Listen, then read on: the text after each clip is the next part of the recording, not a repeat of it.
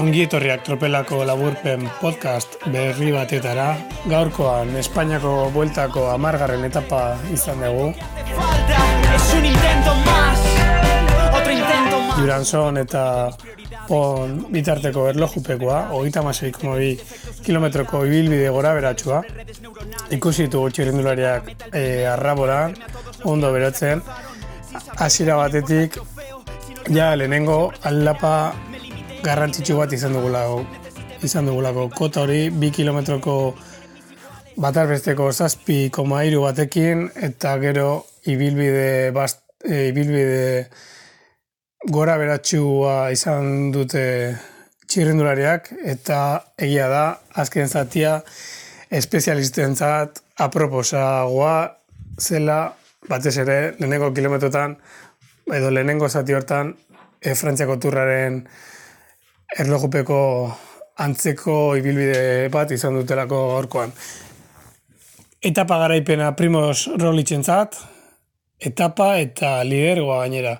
Erakustaldia benetan Jumbo Bismako esloveniarrarena, bigarren Patrick Beben, hogeita segundura, CCC timekoa e, Remi Kabaina, e, hot seat ean zegoenean e, demorarik onenak endu dio, bi segundugatik, eta hirugarren aipatu berri dudan kabaina, laugarren Lawson Carradok, berroita sorti segundura, Education Firsteko Amerikarra, bosgarren Nelson Oliveira, Movistar Timeko lehenengo izona, minututa bi segundura, Pierre Latour zeigarren, agebierreko txirrindularia txukune ondo da, minututa malau segundura, zazpigarren Thomas de Gent, gaurko hautagaia zen eta bueno, topa marrean izan dugu degen.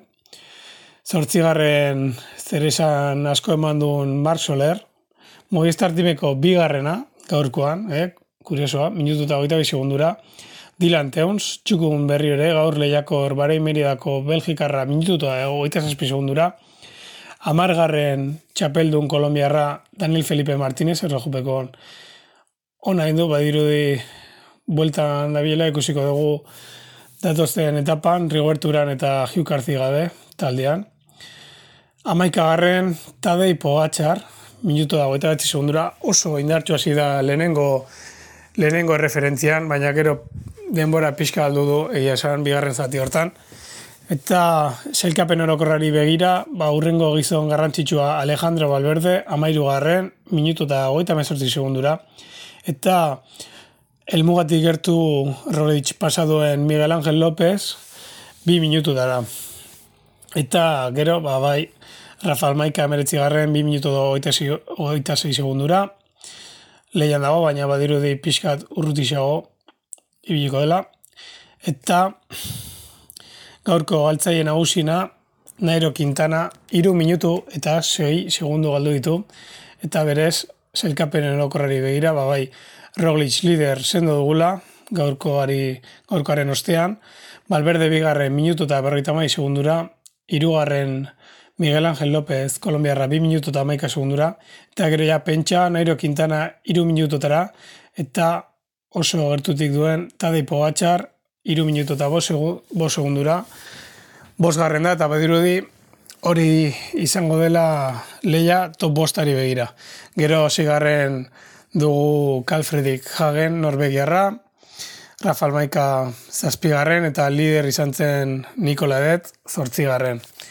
Lehen Euskalduna zelkapen erokorrean Mikel Nibeda garren, ja zortzi minutu eta berroita mai segundura.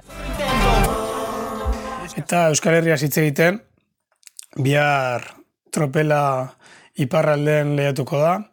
Euskal Herrian izango dugu tropela eta etapa iasan interesgarria badirudi esaldiak jok, e, jokatuko duela etapa, baina, bueno, azken kilometrotan kolde izpegi dugu, igora hau sortzi kilometroko, sortzi kilometrokoa da, eta e, ia demora guztian sei eta zazpi bat azbesteko portzentai horietan mugitzen dela.